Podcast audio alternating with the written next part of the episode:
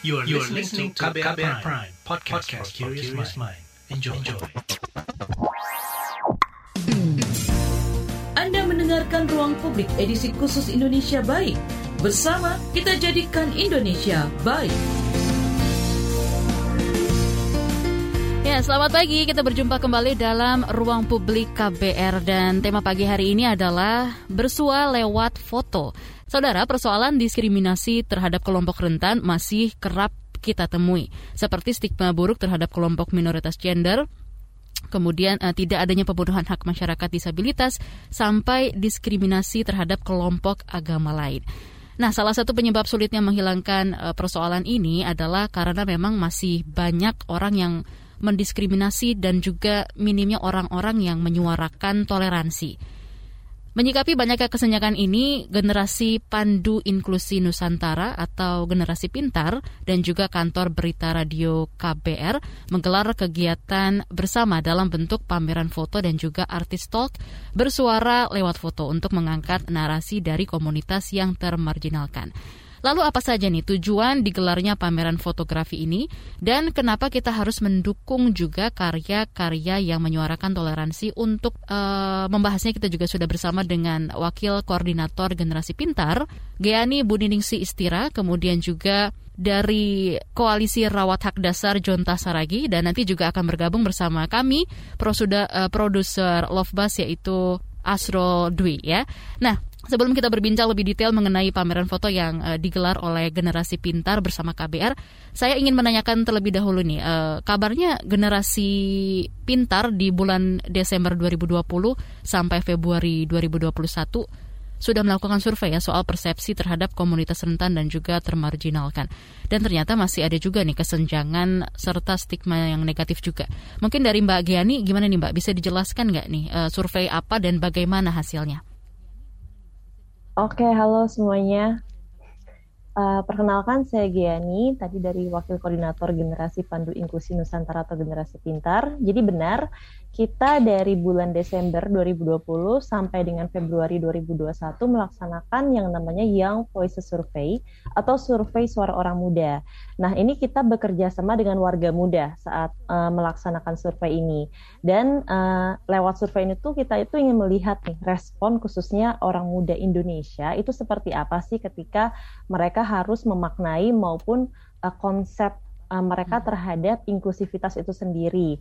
Dan waktu itu kita mengumpulkannya itu dengan menggunakan metode uh, Google Form ya, kita uh, digital survey dan kita berhasil mengumpulkan total ada 693 sampel yang masuk dan menariknya 82,7 persen respondennya itu adalah perempuan gitu. Hmm. Dan uh, yang ngisi juga uh, dari orang muda dari berbagai daerah di Indonesia. Jadi tidak hanya di Pulau Jawa atau Jawa sentris, tetapi ada notes yang perlu kita highlight. Memang uh, tiga sampel terbanyak yang kita kumpulkan itu masih didominasi di Pulau Jawa. Dan ini hmm. berarti uh, notes uh, ke kita bahwa uh, terkait ini ya dengan pemerataan informasi dan partisipasi yang masih uh, dominannya di Pulau Jawa atau Jawa sentris gitu. Dan kemudian uh, untuk hasilnya sendiri kita itu uh, dalam survei tersebut itu membagi jadi beberapa segmen pertanyaan uh, soal partisipasi orang muda dari soal kebebasan bersuara, terus keterlibatan di masyarakat dan juga uh, konsep akan isu-isu. Kebetulan isu yang generasi pandu inklusi Nusantara atau generasi pintar dukung itu ada berbagai potongan ya layernya. Ada di anak dan remaja rentan, ada masyarakat adat, ada disabilitas, uh, kemudian agama minoritas yang berbasis kekerasan, kemudian juga uh, ada lagi transpuan dan banyak lagi. Dan yang paling mencolok itu hasilnya itu uh, ketika pertanyaan seputar pendapat orang muda uh, terkait menghormati identitas gender hmm. khususnya uh, ini dalam segmennya itu transgender transgender atau minoritas gender ya teman-teman masih uh, sebesar 48,7 persen orang muda Indonesia itu memiliki anggapan bahwa transgender ini adalah identitas yang menyimpang dari norma-norma sosial yang ada. Jadi masih cukup besar hmm. ketimbang isu-isu lain.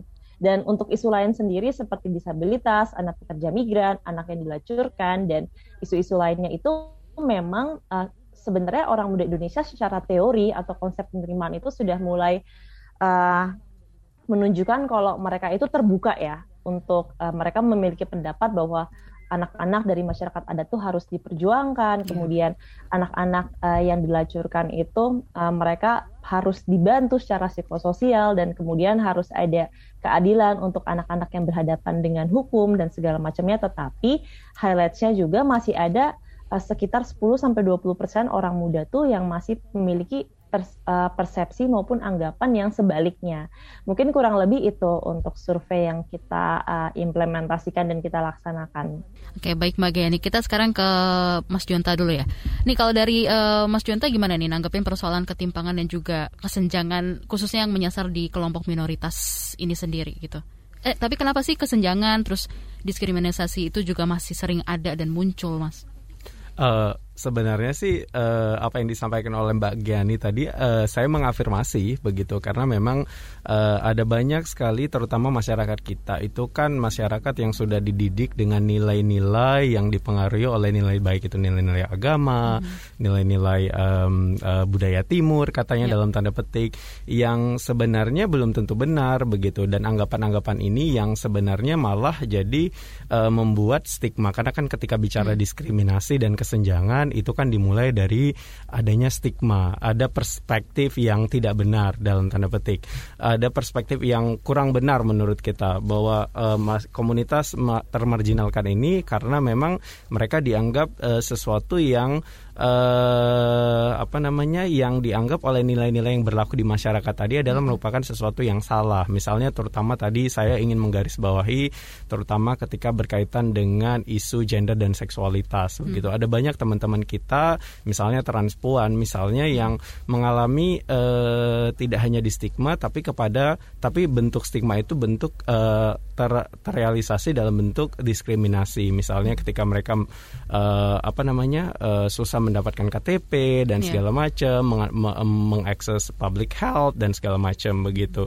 Dan sebenarnya apa namanya uh, nilai-nilai uh, tadi itu juga dipengaruhi oleh karena uh, apa namanya kurangnya pendidikan dalam hal ini pengetahuan masyarakat kita terhadap komunitas termarginalkan ini. Jadi hmm. kalau kalau ada pepatah bilang tak kenal maka tak sayang, hmm. saya sebenarnya mengakui itu bahwa kadang-kadang karena kita tidak tahu apa yang terjadi realitas kehidupan teman-teman uh, termarginalkan ini hmm. pada akhirnya jadi masyarakat itu uh, menganggap bahwa persepsi yang berlaku di masyarakat secara umum itulah yang benar begitu. Hmm. Padahal kan kita tidak mengenal mengenal bagaimana misalnya teman-teman transpuan itu harus pada akhirnya uh, menjajakan diri di jalan atau misalnya harus hmm. uh, apa namanya mengamen di jalan. Hmm. Kenapa mereka bisa seperti itu? Hmm. Itu karena memang uh, sosial kita, uh, sosial konstruk kita, konstruksi sosial membuat mereka hmm. seperti itu karena mereka tidak bisa mengenyam pendidikan. Kemudian kalau mereka tidak bisa punya uh, mengenyam pendidikan, bagaimana mereka bisa mendapatkan pekerjaan yang layak? Hmm. Kemudian uh, uh,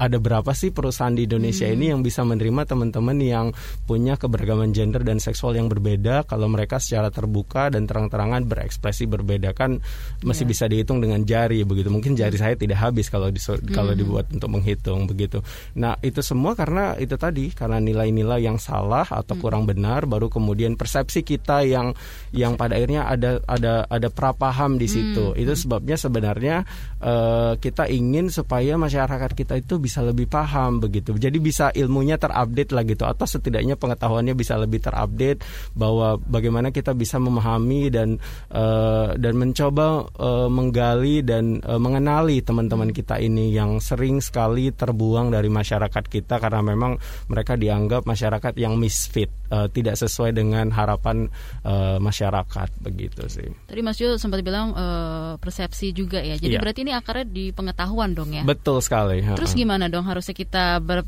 bertindak atau berperilaku gitu? Uh, harusnya sebenarnya sebelum kita bertindak yeah. kita harus cari tahu dulu. Hmm. Jadi karena tadi kan saya bilang uh, pengetahuan kita itu kan dipengaruhi oleh nilai-nilai yang kita anut yang sudah diajarkan oleh orang tua, uh, baik pendidikan juga sekolah dari sejak kecil. Nah berarti kita harus mulai berpikir secara kritis. Apakah benar apa yang dihajarkan kepada kita sejak kecil ini menyatakan bahwa misalnya uh, seperti yang dibilang Mbak Giani tadi teman-teman ini adalah penyimpangan begitu atau misalnya sebenarnya ada yang salah di situ. Sementara kalau kita melihat PPDGJ kita, kemudian ada WHO sudah mengeluarkan uh, apa namanya uh, keberagaman gender dan seksualitas itu bukan merupakan penyakit lagi, bukan merupakan hmm. penyimpangan begitu. Nah, masa kita mau terus-terus tetap berada pada il pada pengetahuan yang sebenarnya sudah mengalami update atau sudah mengalami pembaharuan begitu. Dan itu sebabnya sebenarnya uh, uh, apa namanya uh, kita mencoba untuk mendidik masyarakat yeah. untuk bisa lebih kritis dan mencoba mendala mendalami dan memahami apa sih realitas kehidupan teman-teman mm. uh, termarginalkan ini apa sih yang mereka hadapi sebenarnya kadang-kadang kan kita uh, tak elok kalau kita mendengar cerita tentang seseorang tidak dari orangnya langsung yes. begitu jadi alangkah lebih baiknya kita ketika mendengar orang itu misalnya si A itu seperti ini seperti ini tapi yang bilang itu si C begitu mm. kan tidak tidak elok kenapa kita tidak langsung bertanya kepada si A kemudian mencoba mem memahami apa sih sebenarnya yang menjadi tantangan dan realitas kehidupan si A tadi begitu. Baik, uh, dan saat ini sudah bersama kita ada Mas Asrul ya, pros, uh, produser Love Bus dari KBR. Mas Asrul, soal kelompok minoritas gender nih. Love Bus sendiri kan sering banget gitu ya uh, mengangkat dan juga ngebahas sisi lain dari kelompok minoritas gender ini. Dan kita juga tahu tentang uh, kelompok minoritas gender itu sering penuh stigma di media. Nah, gimana nih uh, counternya uh, atau kantor narasi counter narasi apa yang coba dilakukan sama Love Bus sendiri? Um, kunci utamanya sebenarnya kalau yang uh, kita lakukan tadi ada beberapa poin yang Jonta sampaikan soal apa hmm. tak kenal maka tak sayang kemudian juga um, apa namanya first person story. Hmm. Jadi uh, kalau teman-teman dengerin cerita-cerita yang ada di dalam Love Bus ya dari orangnya langsung, bukan hmm. dari orang kesekian kesekian lagi gitu yang yang cerita. Jadi uh, uh, cerita-cerita semacam itu yang coba kita angkat di dalam Love Bus kehidupan mereka realita mereka seperti apa gitu jadi uh, mungkin uh, yang kita harapkan kalau kita benar-benar um, kenal gitu sama cerita-cerita orang ini gitu hmm. dengar uh, secara langsung dari dia dan juga uh, pengennya kalau dengerin itu ya kayak kita ngobrol aja sama hmm. sama teman sendiri gitu jadi uh, kan uh, ngebangun rasa uh, empati ya dan juga simpati gitu sesimpel itu ya hmm. untuk uh, dari pendengar-pendengar love buzz gitu yang diharapkan dan dari situ kita mencoba uh, untuk uh, sedikit uh, ikut ngasih sumbangan pengetahuan juga hmm. buat pendengar gitu ya um, harapannya lama-lama ya stigma itu bisa keangkat gitu uh, kalau melihat mereka ya uh, ngelihat mereka apa adanya aja mereka hmm. sebagai manusia gitu uh, bukan stigma atau label duluan gitu yang hmm. ditaruh di depan ketika ngelihat teman-teman ini gitu sih. Tapi e, gimana caranya ngebangun empati ke pendengar gitu yang bisa dibilang baru tahu tentang kelompok e, minoritas ini? Lewat cinta sih kita ngobrol. Pagi-pagi gitu ya. Oke. Iya jadi um, yang kita yang selalu kita uh, obrolin gitu ya sebenarnya kuncinya ngobrolin soal itu itu bahasa hmm. yang sangat universal universal yes. mungkin dan hmm. setiap orang juga uh, kayaknya punya definisinya sendiri-sendiri gitu kita ketika kita ngobrolin soal cinta kan nggak ada yang hmm. salah dan nggak ada yang benar gitu nggak ada cara terbaik untuk ngobrol untuk mencintai ada atau untuk bercinta kayak pagi-pagi nih. Uh, oke okay, ini uh, makin seru dan juga menarik dan tentunya di pagi hari ini ruang publik Indonesia Baik KBR dengan tema bersuara lewat foto akan kembali kami lanjutkan. Dan tentunya masih bersama dengan uh, wakil koordinator generasi pintar Giani Budiningsi Istira kemudian juga ada produser Love Bus KBR Asrodwi dan koalisi rawat hak dasar Jonta Saragi masih Anda dengarkan Ruang Publik KBR Commercial break. Commercial break. Commercial break. Anda sering gelisah, tidak bisa tidur nyenyak, selalu merasa ada yang merasuki pikiran Anda. Ini bukan iklan horor atau cerita seram, tapi kalau Anda mengalami hal seperti itu, Anda pasti ketinggalan berita terupdate yang lagi ramai diperbincangkan. Gak mau kan dibilang ketinggalan berita?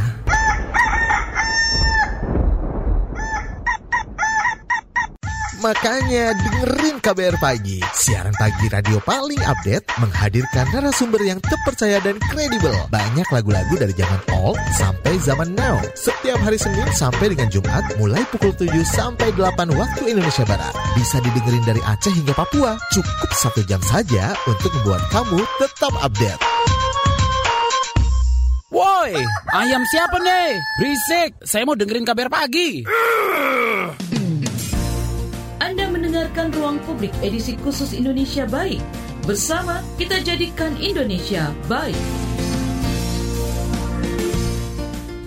Anda masih menyimak Ruang Publik Indonesia Baik KBR dengan tema bersuara lewat foto dan kami juga masih berbincang mengenai persoalan hak dasar dalam menghargai sesama. Dan kami juga sedang membahas uh, Love Bus, a Photography Exhibition bersama Wakil Koordinator Generasi Pintar Giani Budiningsi Istira dan juga produser Love Bus KBR Asrul dan Koalisi Rawat Hak Dasar Jonta Saragi. Tapi sebelum kita lanjutkan ke perbincangan kita di pagi ini sudah tersambung lewat telepon ada Jimmy di Duren Sawit. Silakan. Halo, selamat Ya. pagi. Halo, selamat pagi. Iya, silakan dengan Eh, pertanyaannya.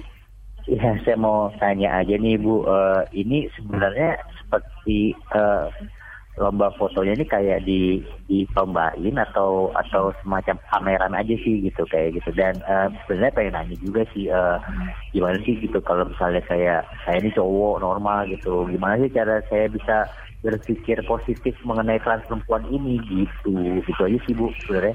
Oke, siap. Terima kasih. Ya, thank you ya Bu ya. Ya, terima kasih. Silakan bisa dijawab langsung eh, dari Asrul kah? Silakan. Em, ini buk- lo- bukan lomba sih. Hmm, gimana? kalau dari KBR kita sebelumnya ada workshop eh, selama berapa bulan? ya? Dua bulan ya waktu itu ya, kalau nggak salah. Eh, dua bulan. Kemudian ini eh, pameran ini hasil dari workshop itu, gitu sih. Kalau dari Mbak Giani sendiri seperti apa, Mbak? Oke, kalau dari kita juga lebih ke workshop. Mm-mm. Kita waktu itu ngadain open submission, Hmm. terus kita mengambil menyeleksi gitu karya-karya foto yang memang uh, bukan terbaik ya, tapi memang sesuai dengan apa yang kita sampaikan. Kemudian kita tajamkan lagi lewat workshop dan kita pamerkan besok. Gitu. Oke, baik. Ah, eh, tadi kita sudah sempat ngobrol juga di awal gitu ya. Tapi sebelumnya kita juga ingatkan kembali eh, ke Pak Jimmy tadi penelponnya kalau yang mengikuti semua acara ini adalah hasil dari workshop itu sendiri.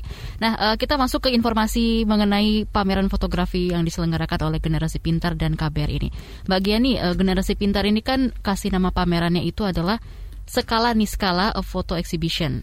Kalau KBR kasih namanya Love Bus a Photography Exhibition. Sebenarnya apa nih Mbak eh, skala niskala a Photo Exhibition ini dan kenapa ini digelar dengan mengangkat tema spesifik yaitu soal rawat hak dasar?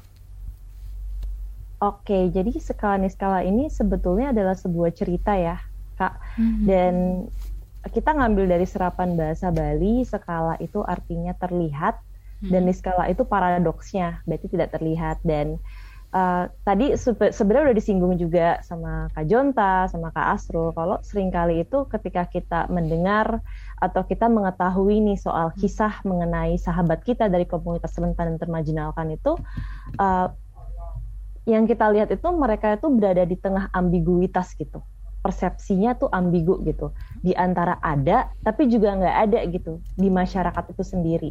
Kenapa uh, kita mengasumsikan seperti itu karena uh, contohnya aja kayak mungkin uh, kita tahu nih oh uh, beliau disabilitas oh beliau dari masyarakat adat ini oh beliau transpuan gitu. Tetapi kita nggak sebenarnya mengenal gitu. Kita nggak sebenarnya mengetahui ceritanya. Kita nggak sebenarnya itu benar-benar masuk ke, ke dalam uh, perspektif mereka gitu. Yang kita dengar adalah apa yang kita uh, lihat baik itu di media atau apa yang sudah kita uh, terima gitu ya dari ajaran-ajaran sebelumnya atau mungkin dari pemahaman-pemahaman kita tetapi juga bisa aja kondisinya itu kita tuh nggak kenal mungkin masih banyak masyarakat yang belum mengenal nih kayak oh ternyata uh, kalau misalnya yang uh, tidak bisa mendengar itu namanya tuli ya. Oh ternyata kalau misalnya uh, ini namanya anak pekerja migran ya. Masih ada juga uh, lapisan masyarakat yang seperti itu, tetapi mereka udah denger nih ceritanya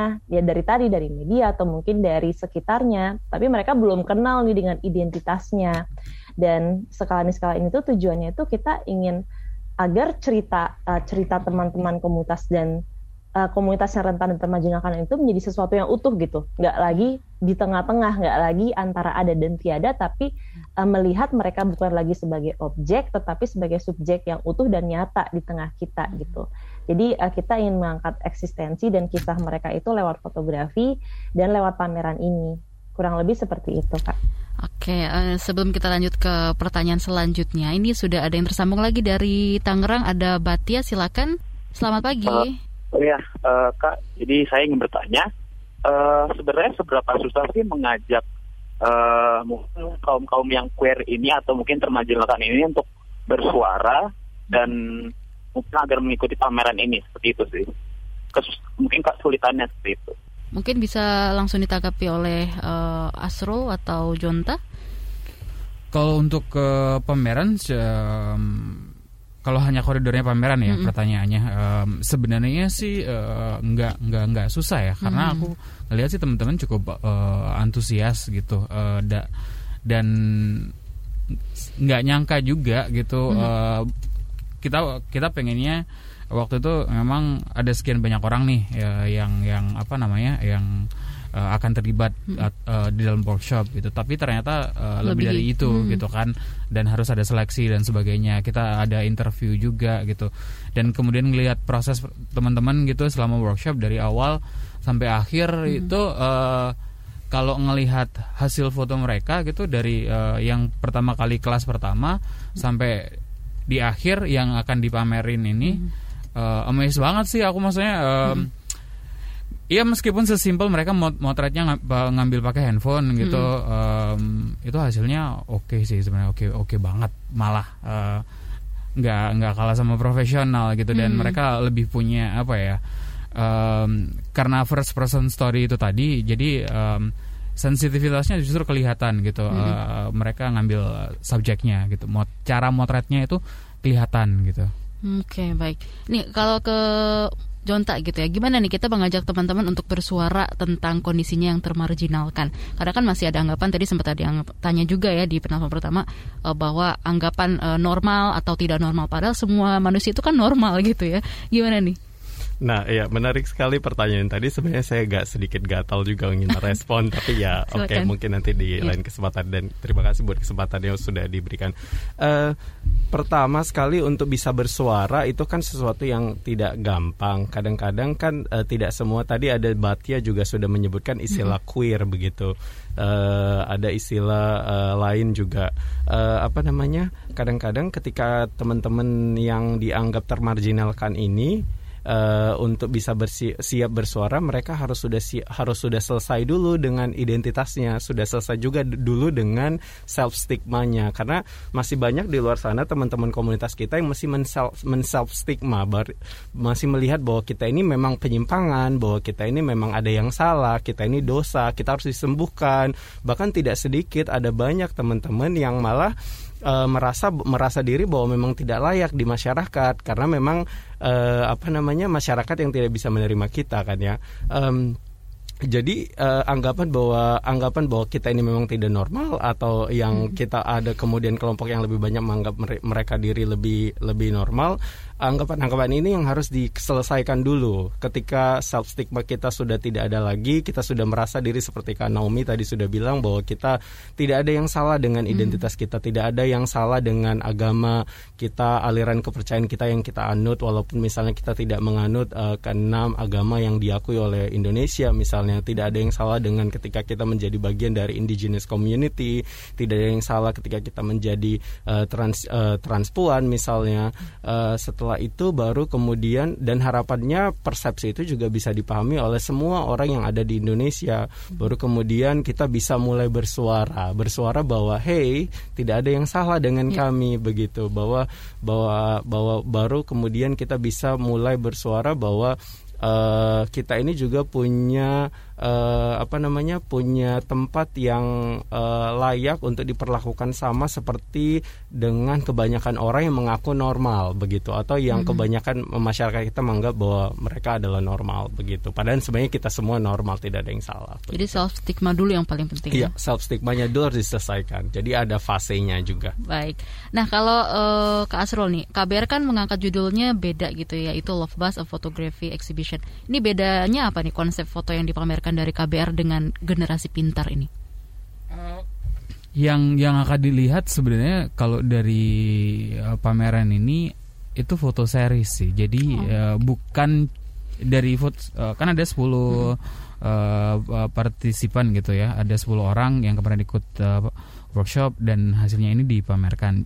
Ini 10 uh, foto series. Jadi satu foto series itu ada beberapa foto yang merangkai satu jalinan cerita hmm. gitu sih. Jadi um, ngelihatnya mungkin jadi lebih lengkap gitu ya uh, benar-benar teman-teman diajak uh, yang nonton gitu hmm. yang melihat uh, masing-masing foto seri untuk ya, menyelami kehidupan mereka hmm. uh, mas, subjek masing-masing foto ini gitu okay. uh, ya tujuannya ya di awal itu tadi uh, sesederhana mungkin awalnya kenalan aja dulu hmm. gitu hmm. ibaratnya uh, ngobrol langsung sama subjek uh, tanpa ngomong secara langsung ke orangnya, hmm. ngelihat fotonya itu tadi. Kenal gitu. dari foto yang mereka tampilkan gitu ya? Yes, uh, gitu. Oke okay, baik. Nah uh, kalau dari Jonta ini, ini kan menarik banget ya kalau menyuarakan atau uh, membicarakan toleransi juga keberagaman melalui foto tadi si Aslo juga sampai jelasin. Nah sejauh ini upaya apa yang pas untuk menguatkan keberagaman, kemudian toleransi dan juga anti diskriminasi? Oh, pertanyaan menarik. Jadi sebenarnya kalau Uh, kalau ditanya usaha upaya apa yang pas untuk menyuarakan keberagaman, uh, saya boleh bilang tidak ada satu formula khusus hmm. untuk bisa bagaimana kita sebaiknya menyuarakan uh, suara yang pas hmm. atau channel-channel yang pas untuk bisa menyuarakan isu-isu keberagaman atau bagaimana suara-suara teman-teman termarginalkan itu bisa tersalurkan dengan baik.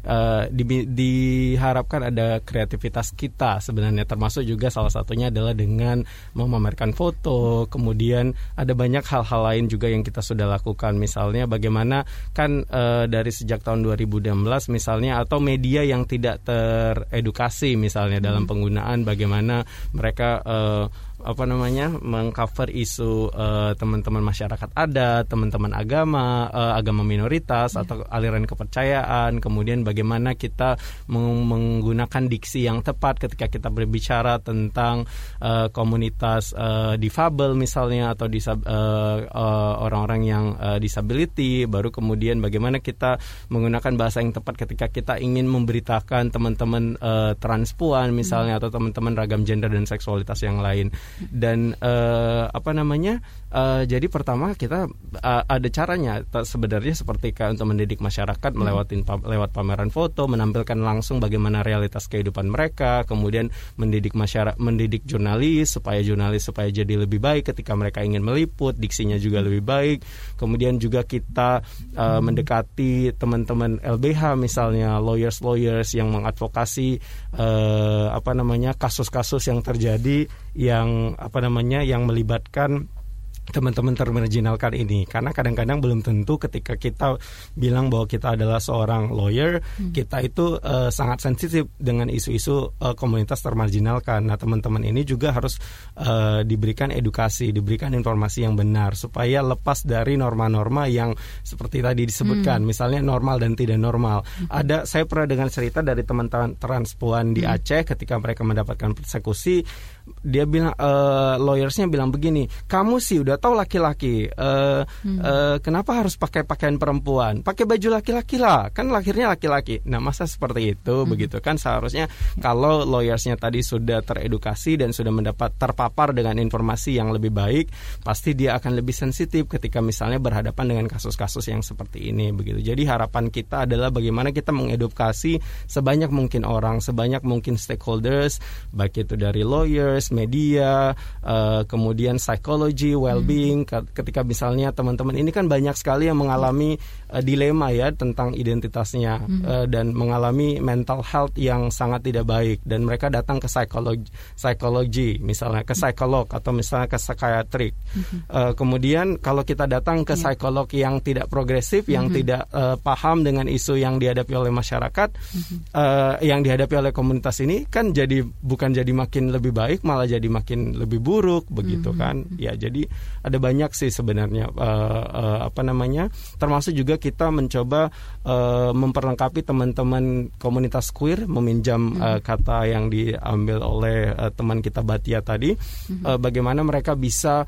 uh, apa namanya uh, menerima diri mereka yang identitas mereka yang berbeda kemudian supaya mereka bisa bersuara di tengah umum memberikan hmm. memberikan uh, kotak-kotak baru jadi kalau masyarakat kita hanya melihat dua kotak misalnya yeah. nah kadang-kadang seperti yang meminjam kata uh, Mbak uh, Gianni tadi hmm. uh, bilang ada skala atau skala dan niskala begitu itu benar sekali jadi ada orang-orang yang ternyata tidak tidak bisa masuk ke kotak-kotak yang disediakan oleh konstruksi sosial begitu hmm. uh, jadi kadang-kadang sebenarnya ada tapi tidak ada karena kita tidak bisa masuk ke dalam kota-kota yang disediakan oleh masyarakat. Nah, bagaimana teman-teman termarginalkan ini bisa berusaha memunculkan kotak-kotak baru supaya kita bisa menciptakan berkontribusi kepada masyarakat yang inklusif bahwa setiap orang itu bisa punya uh, kotak-kotaknya masing-masing tanpa harus memaksakan diri untuk memenuhi kotak-kotak yang sudah terstruktur oleh masyarakat yang hanya terbatas begitu.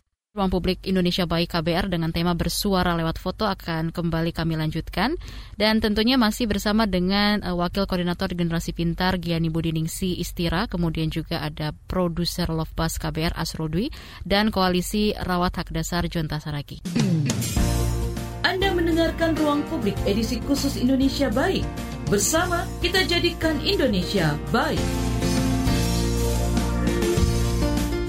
Anda masih menyimak Ruang Publik Indonesia Baik KBR dengan tema bersuara lewat foto dan kami juga masih berbincang soal hak dasar dalam menghargai sesama.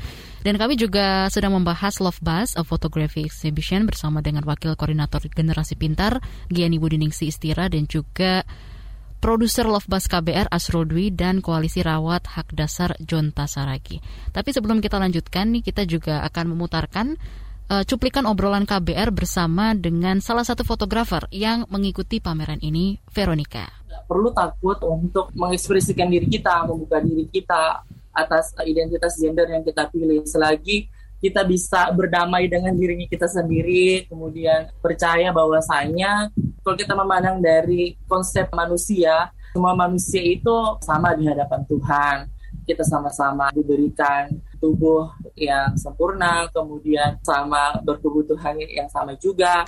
Jadi foto ini dijadikan sebagai eh, gambaran bahwasanya kita tuh punya posisi tawar di kehidupan masyarakat. Jadi kita tuh punya peran penting di kehidupan masyarakat. Jadi yang punya peran itu bukan, bukan hanya laki-laki, bukan hanya perempuan, tetapi seorang uh, komoditas queer atau komunitas LGBT sebenarnya punya posisi atau peran masing-masing di masyarakat.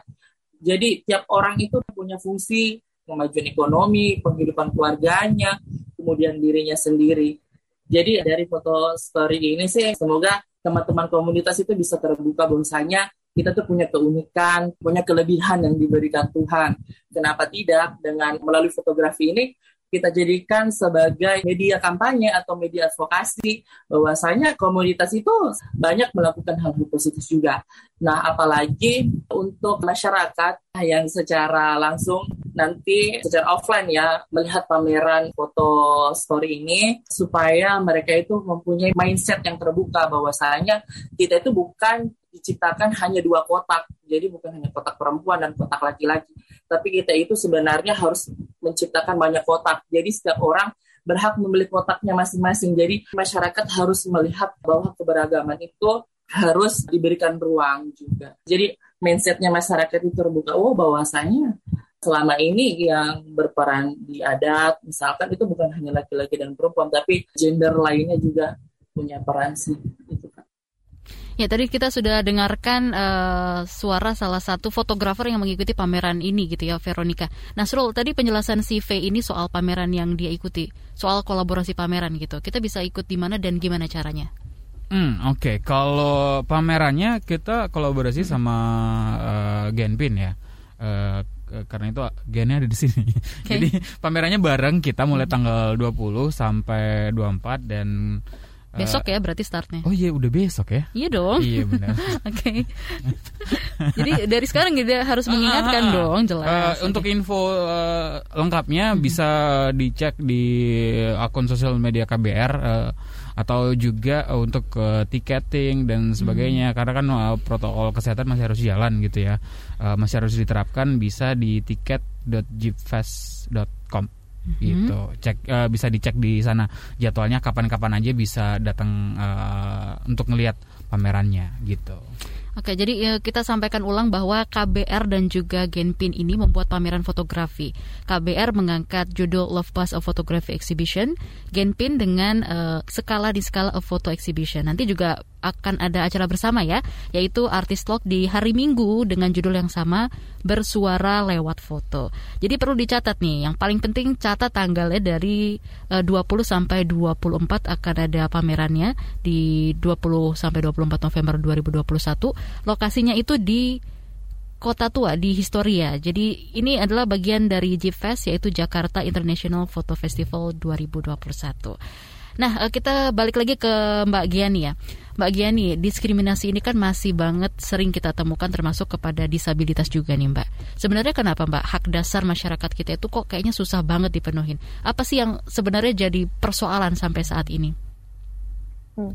Kalau menurut saya sendiri itu yang pertama ruang keterlibatan hmm. dan yang kedua itu ketidakhadiran baik dari pemerintah maupun masyarakat itu sendiri bisa jadi kalau mungkin kita refleksikan itu justru kita sendiri gitu yang berkontribusi memperluas jurang kesenjangan sosial yang ada di masyarakat tanpa kita sadari. Dari tadi kan juga sudah banyak disinggung ya dan kalau saya mengutip dari Pramudia Anantatur gitu ya salah satu penulis uh, adil itu dimulai dari sejak dalam pikiran dan saya juga berpikir kalau segala sesuatu itu dimulai dari cara kita memandang dari cara kita uh, berpikir gitu Contohnya nih, misalnya ketika kita uh, bertemu dengan seorang disabilitas, banyak faktor yang sebenarnya itu berkontribusi untuk membentuk pola pikir kita. Yang biasanya paling umum gitu kalau kita bertemu dengan disabilitas, mau itu tuli, netra gitu ya, kayak saya juga sering gitu bersinggungan dari saya duduk di bangku sekolah, pasti uh, hal yang pertama kita ingin lakukan adalah membantu. Itu nggak salah, itu naluriah manusia gitu ya. Hmm. Tapi uh, ada sebuah pola di masyarakat ketika bertemu dengan misalnya disabilitas kalau memandang bahwa mereka itu tidak bisa mandiri sebagai seorang individu. Memandang kalau mereka itu harus selalu dituntun harus selalu di guide gitu. Dan selain itu juga misalnya kalau kita uh, ke media sendiri gitu media itu bisa juga menjadi salah satu faktor di mana kita mungkin sering kali melihat konten maupun mungkin uh, tulisan-tulisan atau mungkin uh, mungkin dalam perfilman juga atau mungkin dari tayangan yang dikonsumsi oleh masyarakat di mana kita sering kali meromantisir sebuah kondisi. Meromantisir dalam arti kalau tadi bicara soal disabilitas gitu, kita secara tidak langsung menjadikan mereka sebagai pity party gitu. Sebagai sebuah apa objek yang dikasihani, sebagai uh, yang sering kali ditampilkan itu bukan winning stories mereka, bukan kisah-kisah di mana mereka akhirnya berhasil, uh, menjadi seorang barista misalnya atau misalnya mereka berhasil menjadi seorang arsitektur atau apa pun tapi sering kali narasi yang diangkat itu lebih menjerumus ke mereka uh, seolah-olah kekurangan mereka adalah sesuatu yang harus selalu kita romantisir gitu. Jadi uh, ketimbang uh, kita uh, mengangkat soal how they exceed their boundaries as a human, kita lebih uh, mengangkat soal keterbatasan-keterbatasan yang mereka temui sebagai seorang manusia. Padahal kalau misalnya kita coba lihat lebih jauh dan ini nggak cuma uh, untuk komunitas disabilitas ya, tapi hmm. juga isu-isu lain gitu. Kayak kita sebagai manusia, mau itu saya, mau itu Kak Naomi, mau itu Kak Jonta, maupun itu Kak Asrul gitu, kayak tidak ada semuanya perfect picture gitu, picture perfect gitu, nggak ada gitu. Dan itu sih, dan kemudian uh, uh, salah satunya juga ketika misalnya kita sebagai masyarakat kita itu dipupuk dengan pemahaman terhadap kondisi kemiskinan atau kerentanan itu sendiri. Misalnya uh, mungkin uh, kita mengalami gitu ya, kita experiencing di mana kita melihat sebuah berita, kita melihat sebuah kondisi di mana uh, contohnya misalnya kita melihat nih perbedaan keluarga yang tinggal di rumah dengan lantai ubin misalnya, hmm. dengan lantai tanah dan kita udah punya konsepsi bahwa kalau yang lantai tanah itu miskin. Hmm. Itu tuh sudah dibangun gitu, sudah dikonstruk seperti itu padahal belum tentu. Hmm. Belum tentu gitu. Hmm. Semua itu tergantung uh, semua itu juga tergantung dari uh, budaya, dari kultural, dari uh, ya kalau misalnya nih ada keluarga yang tinggal di uh, lantai dengan tanah, dengan lantai dengan ubin, saya misalnya saya tinggal dengan lantai dengan ubin, tapi saya nggak bisa tuh berburu, saya nggak bisa tuh apa uh, jadi seorang yang bisa memancing ikan atau survival di hutan, tapi mereka bisa dengan resource mereka gitu. Jadi kayak intelijensi manusia itu terlalu dikelompokkan dengan adanya kemajuan gitu. Justru bisa jadi intelijensi kita atau kemajuan dari sebuah era sebuah revolusi itu bisa jadi sebuah titik kemunduran kemanusiaan itu sendiri. Dan tidak hanya soal lantai ubin dan tanah tapi cara kita mendefine kaya dan miskin gitu. Misalnya uh, anak yang punya telepon seluler iPhone hmm. atau merek-merek lainnya itu udah pasti oh kaya privilege. Tapi orang yang mungkin tidak bisa menggunakan dibilang underprivileged padahal belum tentu bisa jadi yang punya iPhone dia iya. nggak yeah. bisa tuh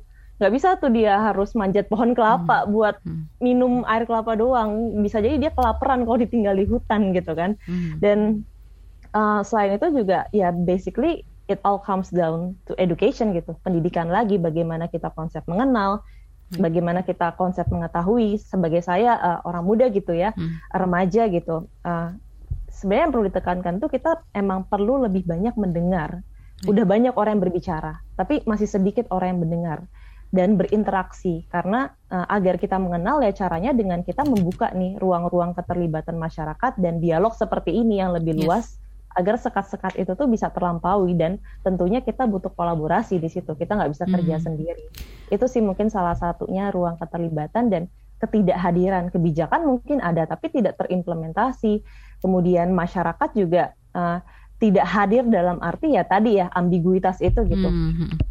Akhirnya komunitas rentan uh, di an, diambang antara ada dan tiada. Akhirnya Baik. hanya melihat kotak dua, padahal kotak itu bisa aja banyak. Bisa macam-macam gitu ya. Nah ini mm-hmm. uh, bagian ini Asrul dan juga Jonta sudah ada penelpon kembali. Kita coba angkat dulu. Ada Aisyah di Jakarta. Silakan dengan pertanyaannya. Selamat pagi.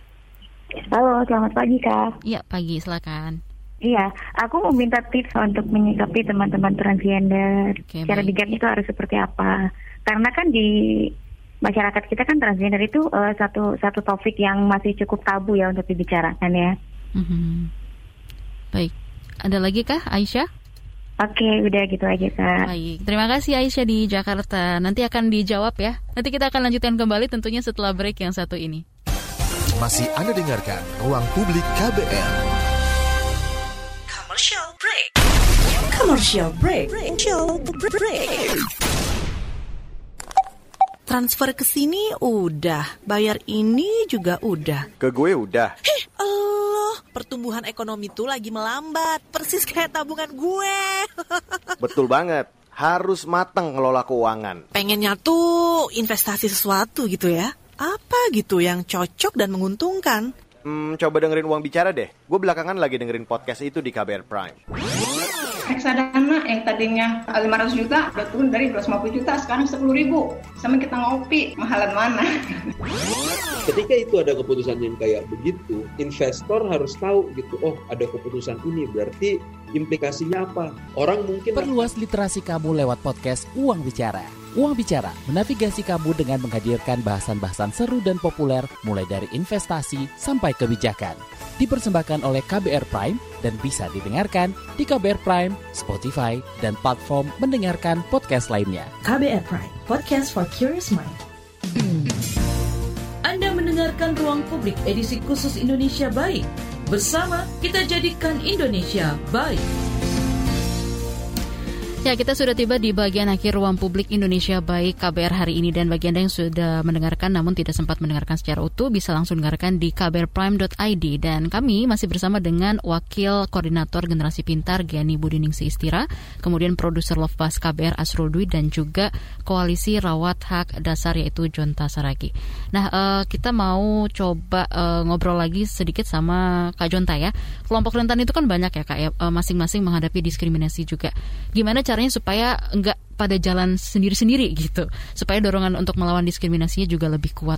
Disambungin sama tadi yang ditanyain sama Aisyah juga di oh, Jakarta. Ya, boleh saya coba ya. Mm -hmm. uh, pertama sekali, pertama saya meminjam dari uh, pemikiran feminis bahwa kita harus berpikir bahwa ketika kita mau memperjuangkan ketidakadilan atau diskriminasi yang terus-menerus terjadi kepada sesu sesuatu kelompok, harus ada agensi yang muncul dari dari dari orang tersebut. Tadi sudah disinggung oleh uh, Mbak Giani juga sebenarnya ada kesadaran bahwa kita itu layaknya diperlakukan sama seperti orang lain yang yang banyak di luar sana. Baru kemudian setelah itu kan kita namanya udah minoritas kan ya. Yang mau kita lawan itu kan mayoritas. Yang mau kita lawan itu kan sebenarnya punya banyak perangkat yang mereka itu sudah dilindungi kotak-kotaknya sudah menjadi ajek begitu sudah terlalu lama. Kemudian sudah ada uh, regulasi yang yang yang sudah mendukung uh, apa namanya keajegan uh, kotak-kotak yang terbatas tadi. Nah, bagaimana kita supaya bisa melawan itu dan merubah itu mm -hmm. uh, karena kita minoritas tadi kita sadar berarti kita harus mencari kawan, mencari hmm. sekutu. Berarti bagaimana kita bisa ber, ber, berinterseksionalitas hmm. dengan teman-teman minoritas lainnya. Bagaimana teman-teman misalnya teman-teman transpuan atau teman-teman queer berinterseksionalitas dengan teman-teman masyarakat adat, minoritas agama, uh, komunitas uh, disability dan sama-sama. Jadi kalau saya bilang there is power in number. Hmm. Jadi ketika kita bersama-sama datang ingin mengubah sesuatu misalnya ketika kita ingin mencampion ada ada uh, apa namanya perda anti diskriminasi hmm. nah kan kita bilang kalau perda anti diskriminasi berarti setiap orang berarti harapannya orang-orang yang termarginalkan tadi ini bisa hmm. datang bersama-sama tidak hanya satu kelompok Tuh. tapi bisa bersama-sama secara kolektif untuk memperjuangkan uh, apa yang dihadapi oleh teman-teman yang tidak bisa masuk ke kategori kotak-kotak yang ada di masyarakat kita nah kemudian menjawab uh, apa tapi dari siapa tadi? Aisyah dari Aisyah hmm. tadi misalnya bagaimana kita uh, berperilaku atau memperlakukan teman-teman transpuan ya perlakukanlah teman-teman transpuan ini sama seperti manusia seperti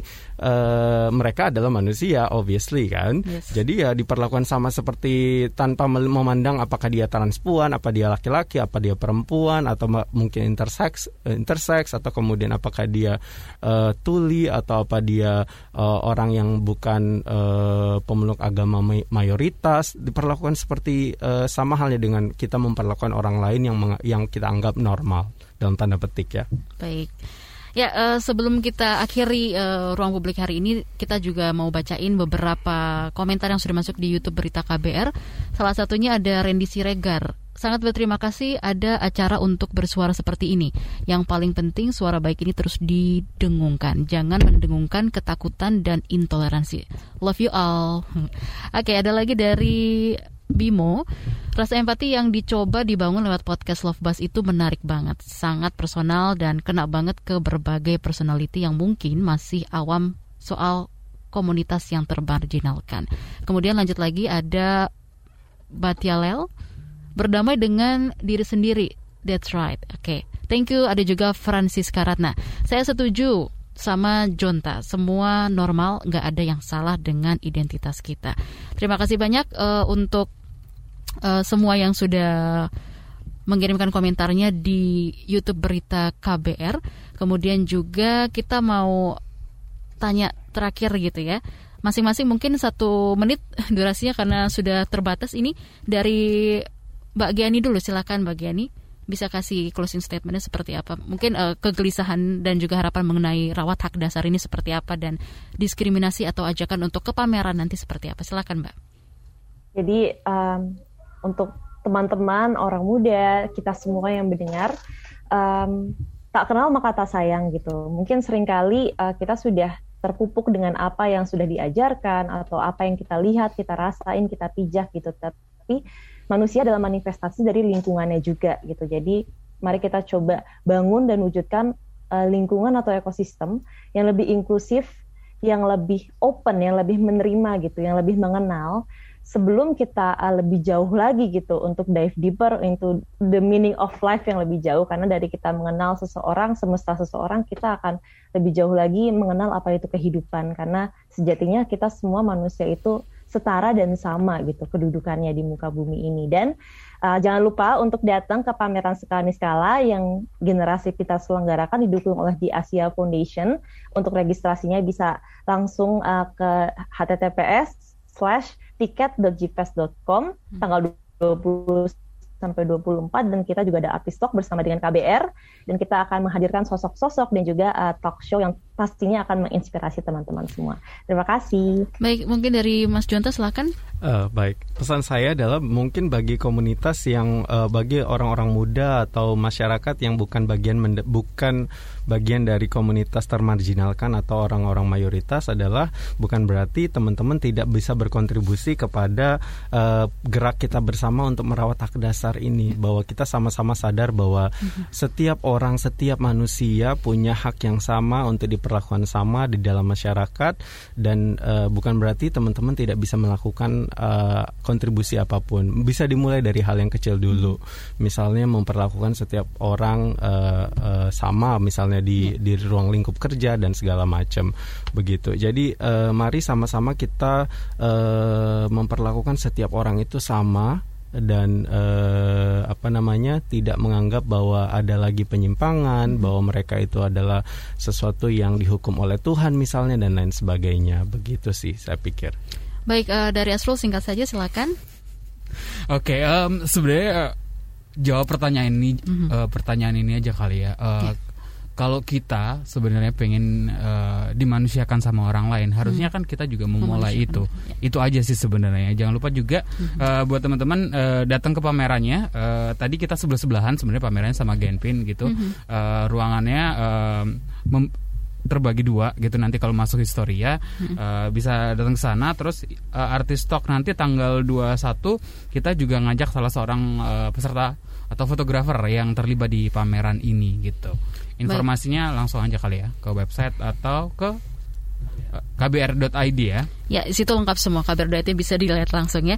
Uh, thank you uh, untuk hari ini di Ruang Publik Indonesia by KBR dengan tema bersuara lewat foto. Terima kasih banyak untuk Mbak Giani, Asrul dan juga Jonta untuk kehadirannya di Sama-sama. pagi hari ini. Saya Nomi Liandra undur diri. Selamat pagi. Baru saja Anda dengarkan Ruang Publik KBR. KBR Prime, cara asik mendengar berita. KBR Prime, podcast for curious mind.